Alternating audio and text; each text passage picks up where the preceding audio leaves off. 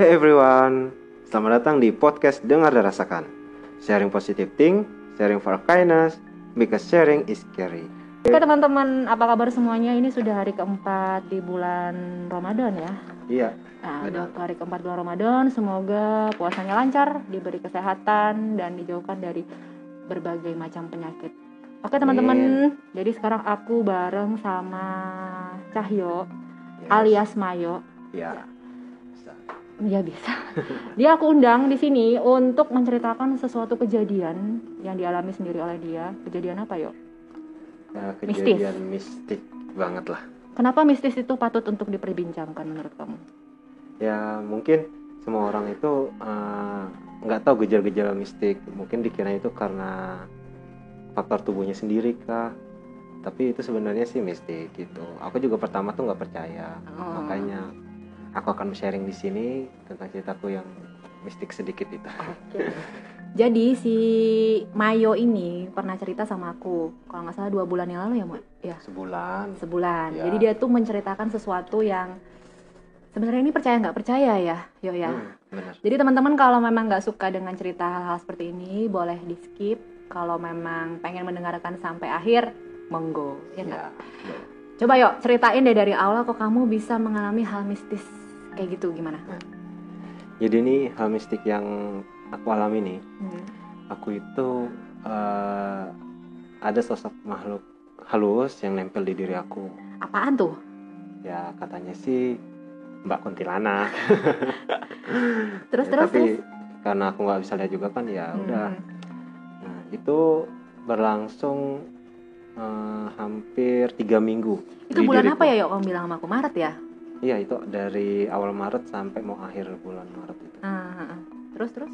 Nah terus tuh eh, Awalnya deh kamu kok bisa tahu Mhm. ada si makhluk itu di diri kamu tuh gimana Nah, ceritanya? Jadi gini, aku kan ada kegiatan nih, kegiatan dinas Hmm. dari kantor Mm-mm. untuk melakukan sidak di sebuah perusahaan. Ah, Nah, letaknya perusahaan ini Ah. ada di daerah pedalaman gitu. ah, ah. Ya udah, akhirnya ya kami lakukan sidak dan Ntar, Hmm. kamu kan kalau ke daerah pedalaman kan pakai nyebrang dulu kan? Iya. Nyebrang pakai apa? Speed ya? pakai speed Ah, ah, karena karena, terlalu jauh itu iya iya iya iya. iya. bener-bener pedalaman lah. Ah, ah, ah. Isinya cuman hutan. Mm-mm. Oke. Terus kami lakukan sidak tuh. Kami berangkat. Habis itu eh, sekitar jam 12 siang, jam 1 siang Mm-mm. itu tuh kami disediakan mes. Ada Untuk- mes lah ya di ah, tempat itu ya. Ya, untuk kami istirahat tuh. Ah, ah. Dan di situ tanpa sadar aku juga tertidur pulas banget di situ. Tetapi sudah bangunnya aku tidur dari situ, sudah bangunnya tidur itu rasanya tuh kayak ya agak capek lah. Mungkin aku rasakan tuh ah mungkin kegiatan hari ini agak capek gitu. Agak berat ya. Ya. Terus pulanglah kami naik speed lagi. Kamu berangkat Hmm. naik sepi itu pagi kan? Iya, Subuh ya? sekitar Jam setengah jam 6 lah, jam Ah. 6 subuh. Padahal kan kamu takut nyebrang di air. Ya, saya ceritakan itu ya. Nanti kemajuan saya dipertanyakan. Terus terus terus. Oke. Balik, pulang. Balik, pulang, pakai speed lagi. Mhm. Nah, selama di speed tuh perjalanan Mm. pulang itu pundak saya benar-benar berat banget. Hmm. Akhirnya itu tuh kejadiannya tuh di hari Kamis kalau nggak salah. Di Kamis terus Malam Jumat ya, Yo. iya. Terus kamu ke rumah aku itu ya? Iya. Gila lu. Terus Nah, terus. terus sudah nyampe di kota, Hmm. kelaparan lah saya. Ah. Akhirnya saya ikut teman saya untuk beli sate bareng makan di rumah Dokhen.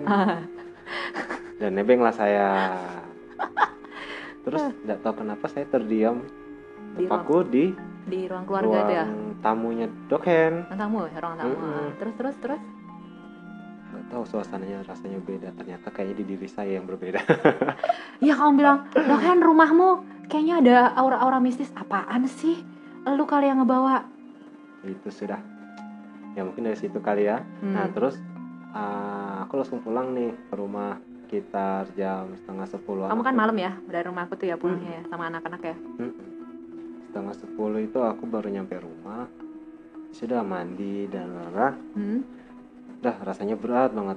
Tertidurlah aku. Terus terbangun jam setengah tiga subuh. Itu kayak malah apa langsung kaget eh, kata kalau kataku sih aku ini ketidihan ketindihan oh Ya. iya kalau kita bilangnya apa sih kalau secara medis sebenarnya ada ya artinya Ada. ketindihan Hmm. itu ya Mm-mm. Nah, tapi kalau orang menghubungkan dengan hal mistis Ya, eh, katanya ada makhluk halus yang lagi menindih kita Iya. Yang Ih. lagi menindih kita terus ma, ma- jadi itu dada kita jadi sesak gitu. tapi kamu sesak gitu yuk iya, sesak. Jadi tuh mata bisa kebuka nggak kan biasa kalau orang ketindihan gitu kayak antara pertama sadar tuh nggak ada teriak dulu baru bisa terbuka. emang kamu teriak Teriak kamu tinggal di rumah sama siapa sih sama bap- eh, sama Mbak sama Mas. nah, terus terus terus Dan mereka juga langsung kaget karena aku teriak itu jam berapa itu kan kamu pulang setengah sepuluh. tiga subuh aku Subuh. terbangun. Hmm, Mm. terus Dan itu langsung lemas betul badanku rasanya. Setelah apa lemes gitu badanku kan langsung terdiam Hmm. dan itu nggak bisa tidur lagi sampai besoknya. Jadi itu dari jam setengah tiga sampai ke kantor lagi hmm, aku nggak tidur. Terus di hari Jumatnya, Jumat Ah. malam setelah pulang dari kantor itu kan aku putuskan aku pijat. Jadi aku panggil tukang pijat ke rumah Iya, pijat Hmm. tradisional gitu. Hmm. Terus tetap aja masih pegal sampai hari Sabtunya lagi itu. Hmm. Nah, malam Minggu kami itu ada acara keluarga. Hmm. Akhirnya ngumpul lah kami keluarga-keluarga ini. Nah, ada eh, Mbak itu tuh bisa eh, pijat sama kayak kata orang Banjir sih cabut angin gitu loh. ini mbak yang mana yuk ada mbak sepupu lagi. Beda dengan yang tempat aku nginap ini. Hmm, terus bisa Terus cabut angin ya Ah, katanya ah. Terus aku sedang ngelap, eh, aku bilang nih ke mbakku, Hmm. mbak, ah, pundakku nih berat banget, nggak tahu kenapa. Kemarin sudah pijat, tapi kok masih aja berat gitu. Untuk noleh aja tuh kadang berat banget, sakit. Akhirnya dipegang-pegang pundak, habis itu dipijat. Wah, pas dipijat itu ternyata nyangkut. Nah, kata hal-hal mistis gitu ya kisahnya Ah, ya Ah, kita udah nggak bahas tentang medis nih ah, ah, ah. jadi kita bahas tentang mistiknya itu nah terus katanya mbak wah ini nyangkut katanya apanya yang nyangkut saat dipijat siapa yang nyangkut tangannya dia tangannya nyangkut dia nggak bisa mijat seluruh dia nyangkutnya di mana tangannya nyangkutnya tuh di bawahnya kuping dia nggak bisa naik ke atas sumpah lo. iya serius terus terus terus nah terus ya udah akhirnya aku disuruh nyari daun sirih untuk pijat leher ini jadi aku cari daun sirih Terus kayaknya aku udah ambil daun sirih yang dipakai cuma beberapa Hmm. karena katanya mbak daun sirihnya sebagiannya jelek jadi padahal aku lihat itu bagus-bagus aja ah, cuma nggak tau lah dianggapnya jelek nah terus dipijat Heeh. tiba-tiba daun itu robek sendiri tanpa di ya kali emang digesek-gesek emang kali daun sirih kalau di apa pencet-pencet juga bakal robek yuk tidak dipencet itu baru ditempel gini langsung tiba-tiba robek sendiri gitu ya sudah akhirnya mbak itu coba eh, ambillah makhluk ini kan hmm. nah ternyata bisa tercabut gitu katanya mbak Hah? ini hantu ini mau masuk ke nadi katanya gitu iya dicabut akhirnya mbak itu pulang Ah, ah. dan aku tuh katanya mungkin besok sudah agak mendingan nih kata Hmm, mbak hmm, hmm. ya ternyata dicabut dan makhluk itu mengiringi selama Ngikutin ja enggak ngikutin mbak aku itu Oh, yang nyabut bukan itu. ngikutin kamu bukan ngikutin aku Ah. nah terus ngikutin mbak aku dia bilang kenapa kamu bantu anak itu katanya ini perkataan dari mbakku ya Ah. kamu yang ganggu ini sepupu saya katanya gitu Ah. kalau mau ya lepas aja dari sepupu saya katanya gitu kamu yang mengganggu dari apa pertama kali dia langsung itu dia pergi nah besoknya Ah. aku sih agak bisa noleh tapi tetap sakit Ah. nah ternyata kata mbakku dia itu pas ngiring sampai ke daerah Karyangau Heeh. itu langsung hilang lagi Dia ngiringin kamu di kamu kan naik mobil apa naik apa?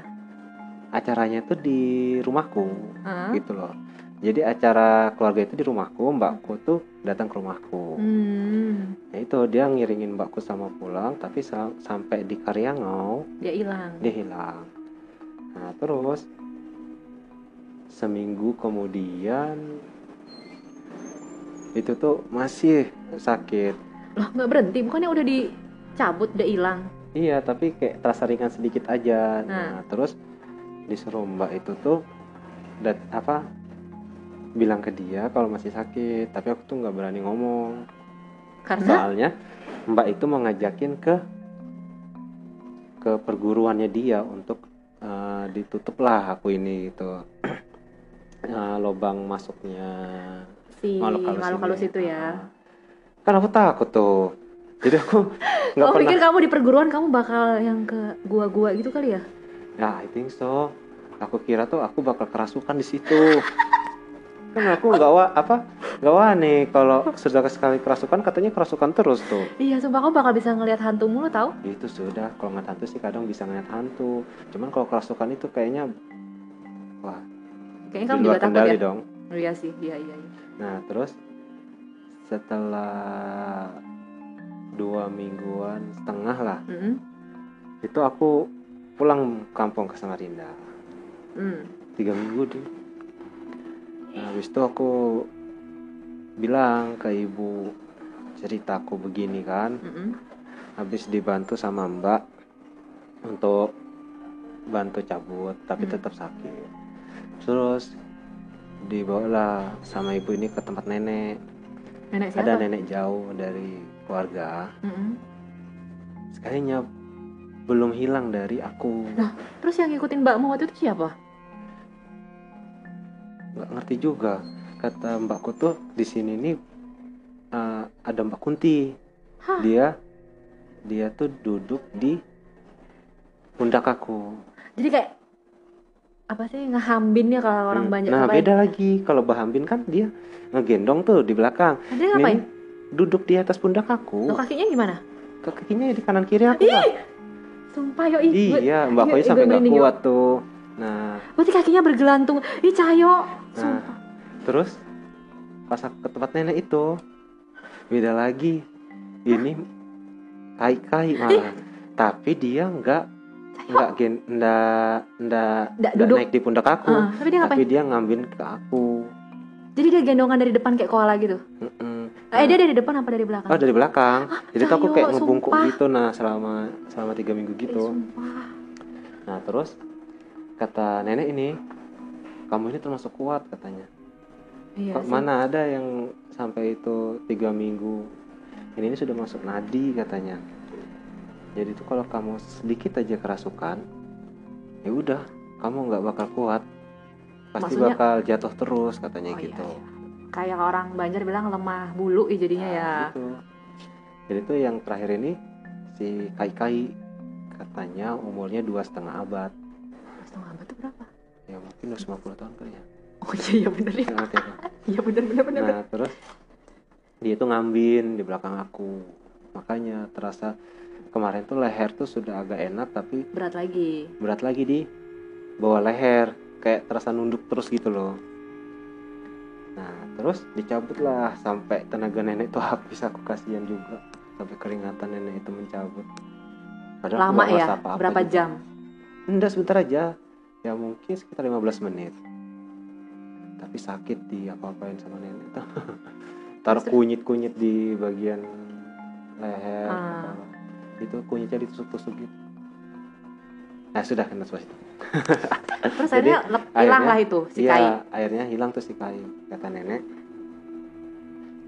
Kayaknya tuh kemarin tuh dia nggak cuma sendiri kata nenek Ah, maksudnya yang ada di kamu katanya tapi Jadi ini ada sisa cuman ini Mbak katanya Kunti gitu. sama si kakek-kakek itu ya. Nah, mungkin seperti itu. Tapi kan si Mbak aku tuh dapatnya si Mbak Kunti itu, Hmm. tapi si nenek ini dapatnya Kai. Nah, tapi kata nenek itu memang lebih dari satu dulu katanya Gila, gitu. lu. Soalnya masih ada membekas dia bilang gitu. Sama si Kai ini, Jadi sekarang gimana keadaan kamu? Ini kan udah sebulan lebih nih. alhamdulillah, Udah nggak lagi ya? nggak ada lagi kok. Beneran. beneran terus Apa bedanya rasanya di badan sekarang?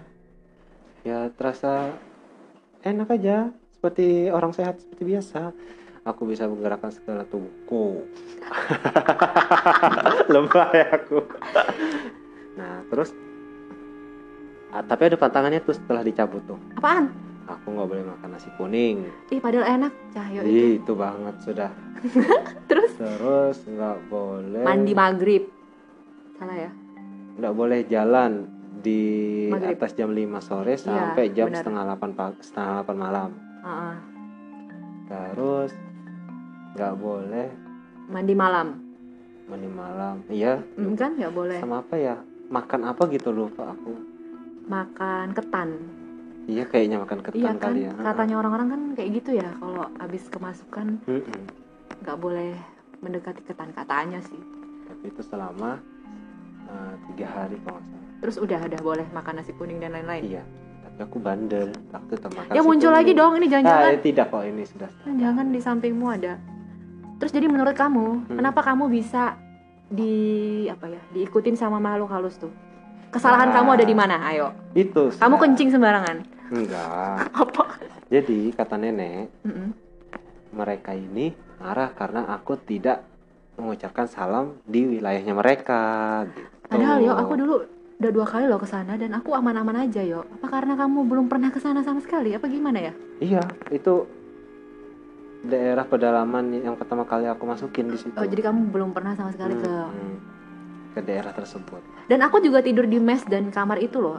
Kan luas kan, mesnya Hmm. enak kan, terus eh, lapang kan di depan. Hmm. Belangannya hutan-hutan gitu kan. Hmm, hmm. Ya gitu.